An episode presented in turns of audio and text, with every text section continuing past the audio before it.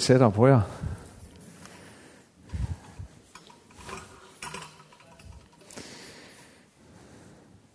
Jeg kan se, at der er sådan nogle af jer, der helst vil være på afstand af mig, men fordelen ved at have en trådløs mikrofon, der, så kan jeg bare rykke tættere på jer. Og øh, der er en fysisk grænse for, hvor langt I kan rykke tilbage. så øh, ja, lad os bede sammen.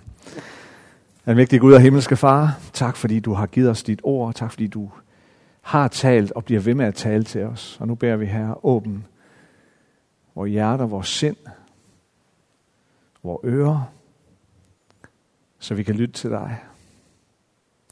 Tak fordi du kender os, ved præcis hvad der rører sig i os, og tak fordi du har et ord til os.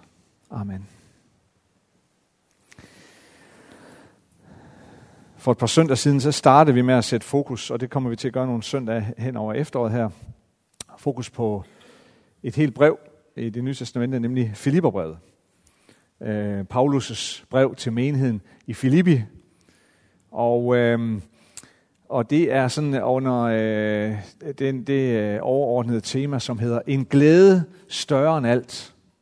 Fordi øh, et, et, et gennemgående tema i Filipperbrevet, det er det er netop glæde.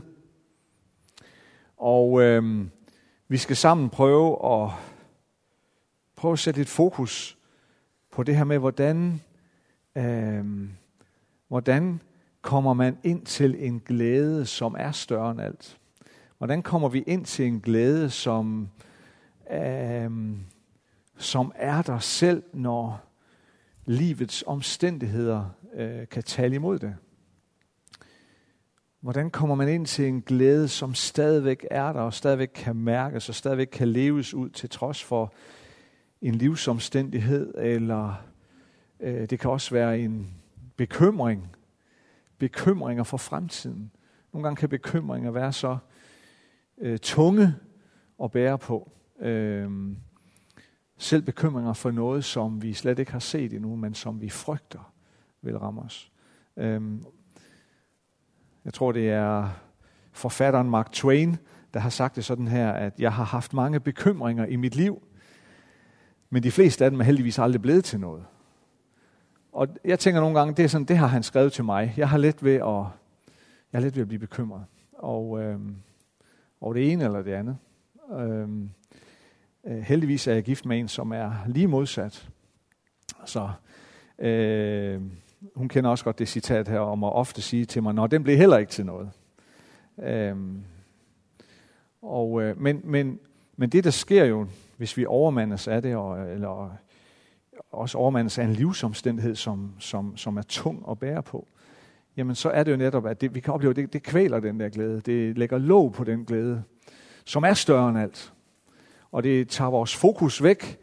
Det, det, det, tager vores, det, det retter jo vores fokus på det, som, som lige er her og nu, øh, og som tynger os, og, og, og, og det forhindrer os i at have øh, fokus på Gud, fokus på Jesus, og fokus på det, han har talt til os om, og det, han har lovet os, og bliver ved med at love os. Så hvordan finder vi derind? Og i dag er temaet glæden i Jesus. Og øh, egentlig så er den, øh, den tekst, er lang, øh, som, som er sat på til i dag, er sådan et ret langt afsnit. Det er fra kapitel 1, vers 12, og så hele, eller resten af kapitlet, øh, helt hen til vers 30. Øh, men jeg skal nøjes med at læse øh, fra kapitel 1 øh, og sidste halvdel af vers 18, og så frem til vers 26. Og øh, jeg håber, vi kan få det op på, øh, på væggen her. Hvad var det? Paulus han skriver sådan her til menigheden i Filippi. Men jeg vil også blive ved med at glæde mig. For jeg ved, at dette ved jeres forbøn og med Jesu Kristi ånds hjælp skal ende med min frelse. Det venter jeg med længsel på, og jeg håber, at jeg ikke skal blive til skamme i noget. Men at Kristus nu som altid må blive forherliget i fuld offentlighed ved det, der sker med mit læme, hvad enten jeg skal leve eller dø. Til for mig er livet Kristus, og døden en vinding. Men hvis, men hvis fortsat liv på jorden betyder frugt af mit arbejde, så ved jeg ikke, hvad jeg helst vil. Der trækkes i mig fra begge sider. Jeg længes efter at bryde op og være sammen med Kristus, for det er langt det bedste. Men at blive i live er det mest nødvendige af hensyn til jer. Ja, det ved jeg bestemt. Jeg skal blive her og blive hos jer alle til jeres fremgang og glæde i troen. Så Kristus Jesus endnu mere kan være jeres stolthed ved hjælp af mig, når jeg igen er hos jer.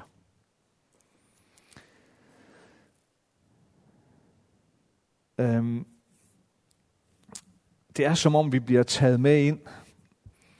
Øh, det er som om Paulus han inviterer os med ind i nogle, nogle øh, meget dybe refleksioner om både liv og død hos ham selv. Og nogle refleksioner, som han deler med Filippermenigheden. Og vi skal jo tænke på, at Paulus, at vi skal tænke på hans omstændigheder også, når han deler de her refleksioner. Omstændighederne er jo den, hans situation er den, at han, han skriver det her til dem, mens han sidder øh, fængslet i Rom. Øhm, han sidder i lænker øhm, i et sikkert mørkt fangehul. Og der sidder han og venter på en uvis skæbne. En uvis fremtid.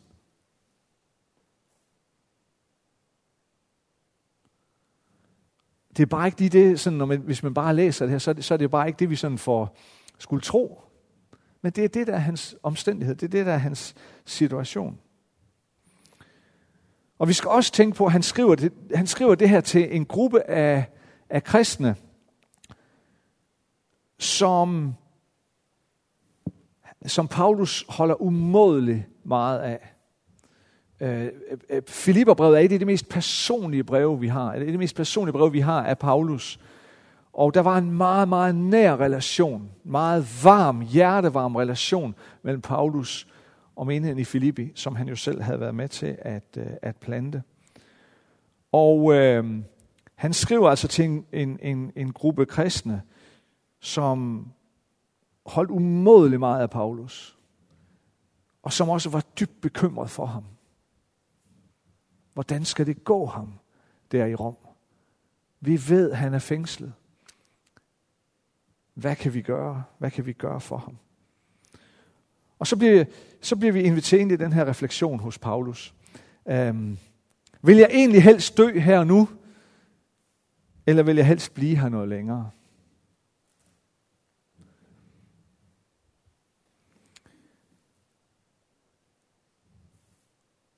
Og alt det han starter med, og det han slutter med, og det der, er, er, det der gennemsyrer det hele, og som, som, som er hans konklusion, det er, at det hele drejer sig om Jesus. Alt drejer sig om Kristus. Han har nogle refleksioner om, hvad han gerne selv vil, eller hvad der er det rigtige.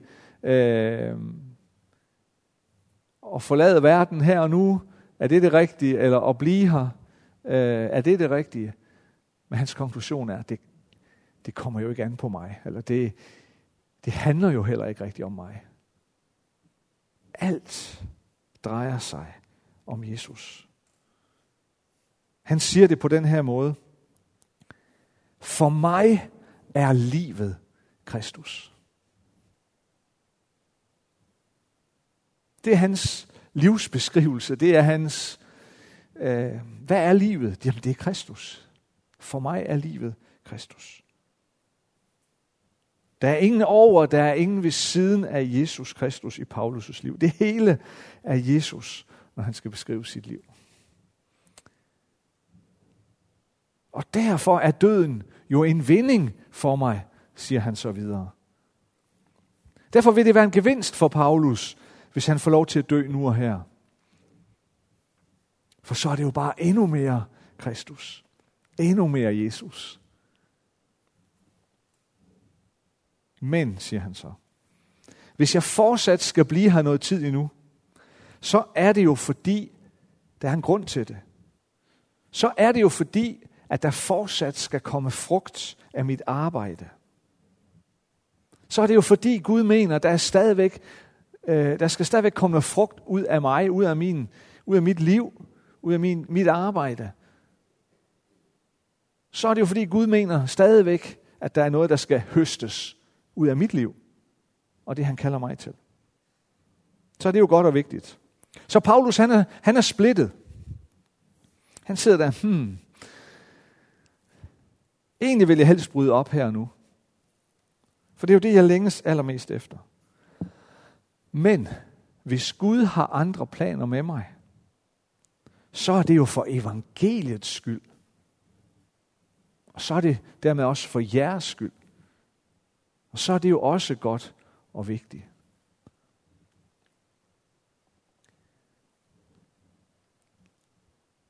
Så hans konklusion er, uanset om jeg lever eller jeg dør, så handler det om Jesus. Om jeg lever eller dør, så er mit liv i Jesu hænder. Og så er mine personlige ønsker jo i grunden underordnet. For det handler alt sammen om Jesus.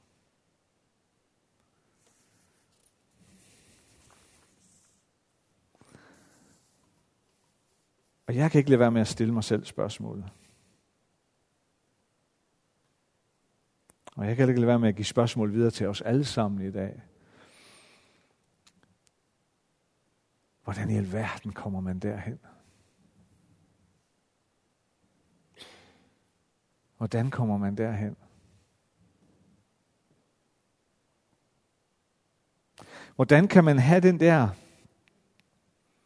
ubeskrivelige glæde, som er så stærk og så nærværende? En glæde så stor, at den til enhver tid overtrumfer livsomstændighederne, som de ser ud lige nu. En glæde så stærk og så dyb, at den til enhver tid overtrumfer enhver bekymring, enhver uro for fremtiden.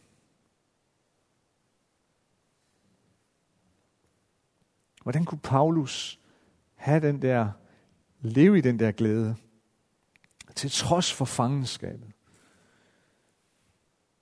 til trods for lænkerne,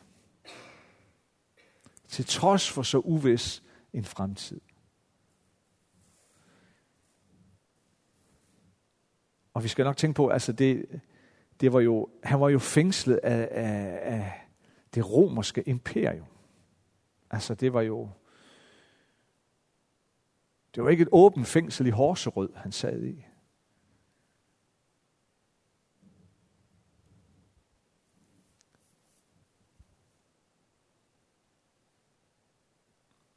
Et eller andet sted, så må svaret jo nok være, at det kan Paulus kun, fordi han er så nært forbundet med Jesus. Hele hans liv er Jesus, som han også siger. Faktisk så nævner han navnet Jesus eller Kristus hele 12 gange i afsnittet her i, i, i kapitel 1, altså fra vers 12 til 30. 12 gange, så siger han enten Jesus eller Kristus, eller Herren. For Paulus var Jesus alt. Han var hans frelser, hans herre, hans mester, hans ven, hans rollemodel.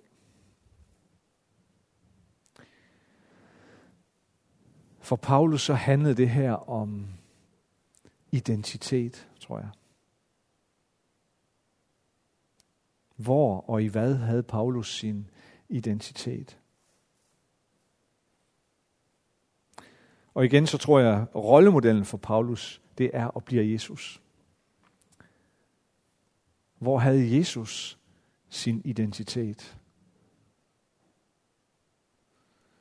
For at finde ud af det, så skal vi nogle år tilbage i tiden i forhold til, hvornår Paulus han skrev det. Så skal vi sådan 30 år tilbage, cirka. Det finder vi beskrevet i evangelierne, som fortæller, hvad der skete med Jesus, som noget af det allerførste, inden han trådte ud i sin tjeneste. Inden han trådte ud i det, som Gud havde kaldet ham til. Først sker der noget i floden, så sker der noget i ørkenen. Først floden, så ørkenen. Der står beskrevet, hvordan Jesus kommer til Johannes døberen ved Jordanfloden, og han beder om at blive døbt af Johannes døber. Og døberen døber Jesus. Og da Jesus kommer op af vandet, så står der, at Helligånden daler ned over ham som en due, i skikkelse af en due. Og der står, at man hører Guds røst lyde fra himlen. Sige over Jesus og til Jesus, du er min elskede søn, i dig har jeg fundet velbehag. Du er min elskede søn, i dig har jeg fundet velbehag. Her stadfæstes Jesu identitet. Den stadfæstes og den bekræftes der, hvor Gud siger til ham, du er min søn. Du er mit barn. Ja, ikke alene er han Guds barn, han er Guds elskede barn. Guds elskede søn. Her i finder vi Jesu identitet. Han er Guds elskede. Og det er nok for Jesus. Det er alt, Jesus behøver at leve i og være i. Det er tilstrækkeligt. Der starter hans tjeneste, og den starter med, at Gud stadfæster og bekræfter hans identitet. Den svenske forfatter og retræteleder Magnus Malm, øh, jeg har et citat med ham, der kommer der, øh, han siger det på den her måde. Det begynder med, at han er faderens elskede søn. Alt hvad Jesus er og gør, er en frugt af den relation. Jesus er i sin relation til faderen allerede alt, hvad han kan blive.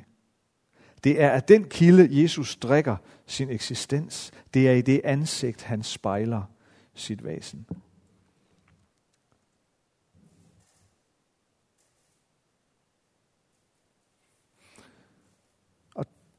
Straks derefter, så kommer ørkenen. Straks derefter så bliver Jesus ført ud i ørkenen, det står der faktisk. Altså, øh, det, det, det ord, øh, der bruges, det græske ord, ekbalo, det betyder øh, drevet ud. Han blev sparket ud i ørkenen nærmest af Helligånden. Umiddelbart efter dåben i Jordanfloden. Så sendte Helligånden Jesus ud i ørkenen. Og der faster han. Og efter 40 dage lider han sult, og så kommer djævlen og frister ham. Og djævlen frister ham tre gange.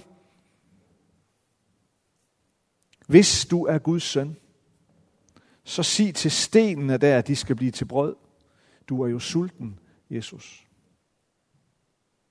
Hvis du er Guds søn, så styrt dig ned fra templets højeste tinde. Hvis du vil tilbede mig, så vil jeg give dig alt det her. Så Helligånden fører, driver, sender Jesus ud til en direkte konfrontation med sin diametrale modsætning, nemlig djævlen. Helligånden fører Jesus hen til en test af den identitet, som faderen lige har bekræftet og lige har fastslået for Jesus. Tre gange forsøger djævlen at teste Jesu identitet i faderen. Er det nu også virkelig nok, at du er Guds elskede søn? Er Gud nu også nok for dig?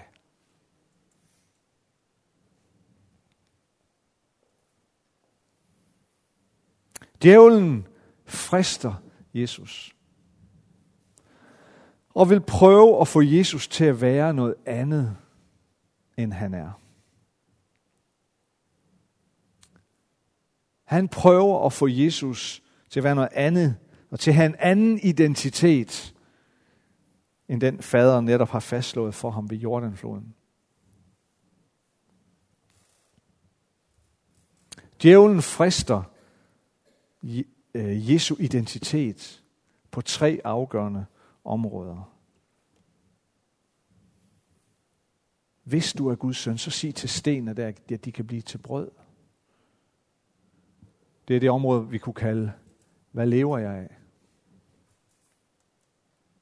Hvad stiller jeg min appetit med? Min sult, min hunger?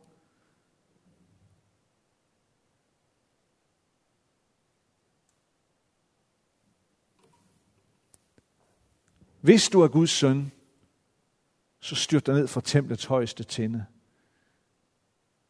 Så skal Gud jo nok sende sine engle til at bære dig. Det er fristelsen på det andet område. På det, om, på det område, som vi kunne kalde, hvad er min opgave? Hvad har Gud kaldet mig til at gøre?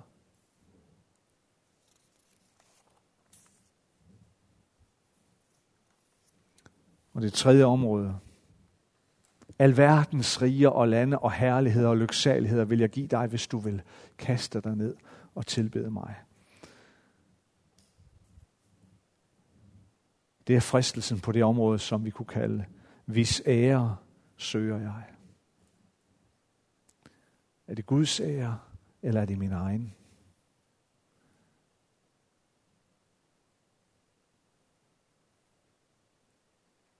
På hver af de her punkter, der forsøger djævlen at få Jesus over på sin banehalvdel. Og jeg tror, det er nøjagtigt de samme tre områder, hvor djævlen vil forsøge at få dig og mig over på sin banehalvdel. Men Jesus siger nej. Jesus sætter grænser op. Jesus siger nej til at være noget andet end det, han er i faderen. Han siger nej til at strække den identitet ud over de grænser, som faderen har sat op.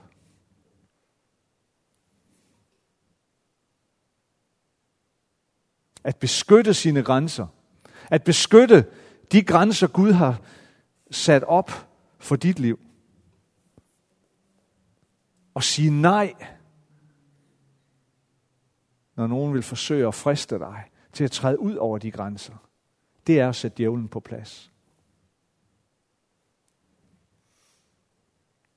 Det er den Jesus, som er Paulus' forbillede og rollemodel. Det er identiteten i faderens kærlighed. Det er identiteten i at være Guds elskede barn, som også er Paulus' identitet. Hvad lever jeg af? Paulus svar det er, for mig er livet Kristus. Det er ham, jeg lever af. Og det er uanset om jeg lever eller dør. Han er min næring. Han er min mad.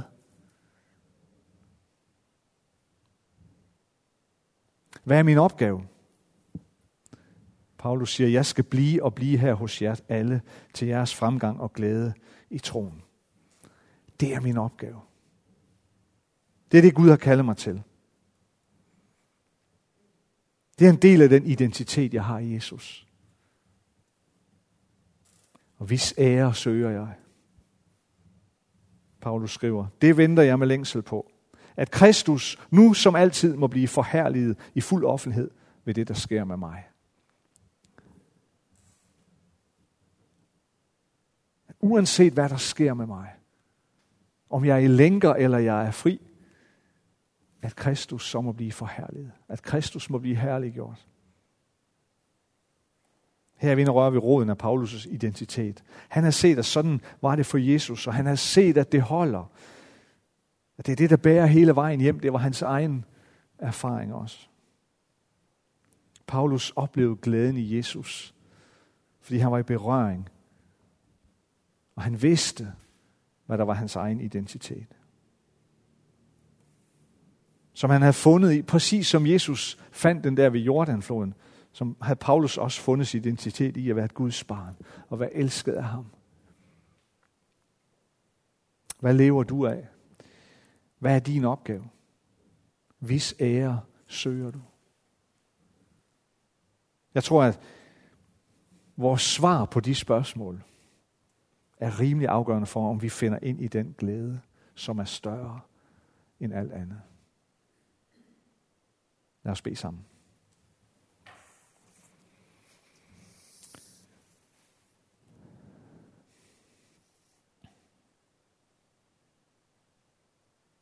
Almægtige Gud og himmelske Far, tak for dit nærvær. Tak fordi du er her. Og tak fordi du elsker os.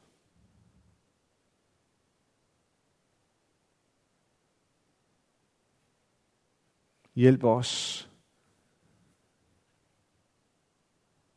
Herre. Giv os noget til at være i berøring med vores identitet, vores sande identitet. Det er, at vi er skabt og elsket af dig.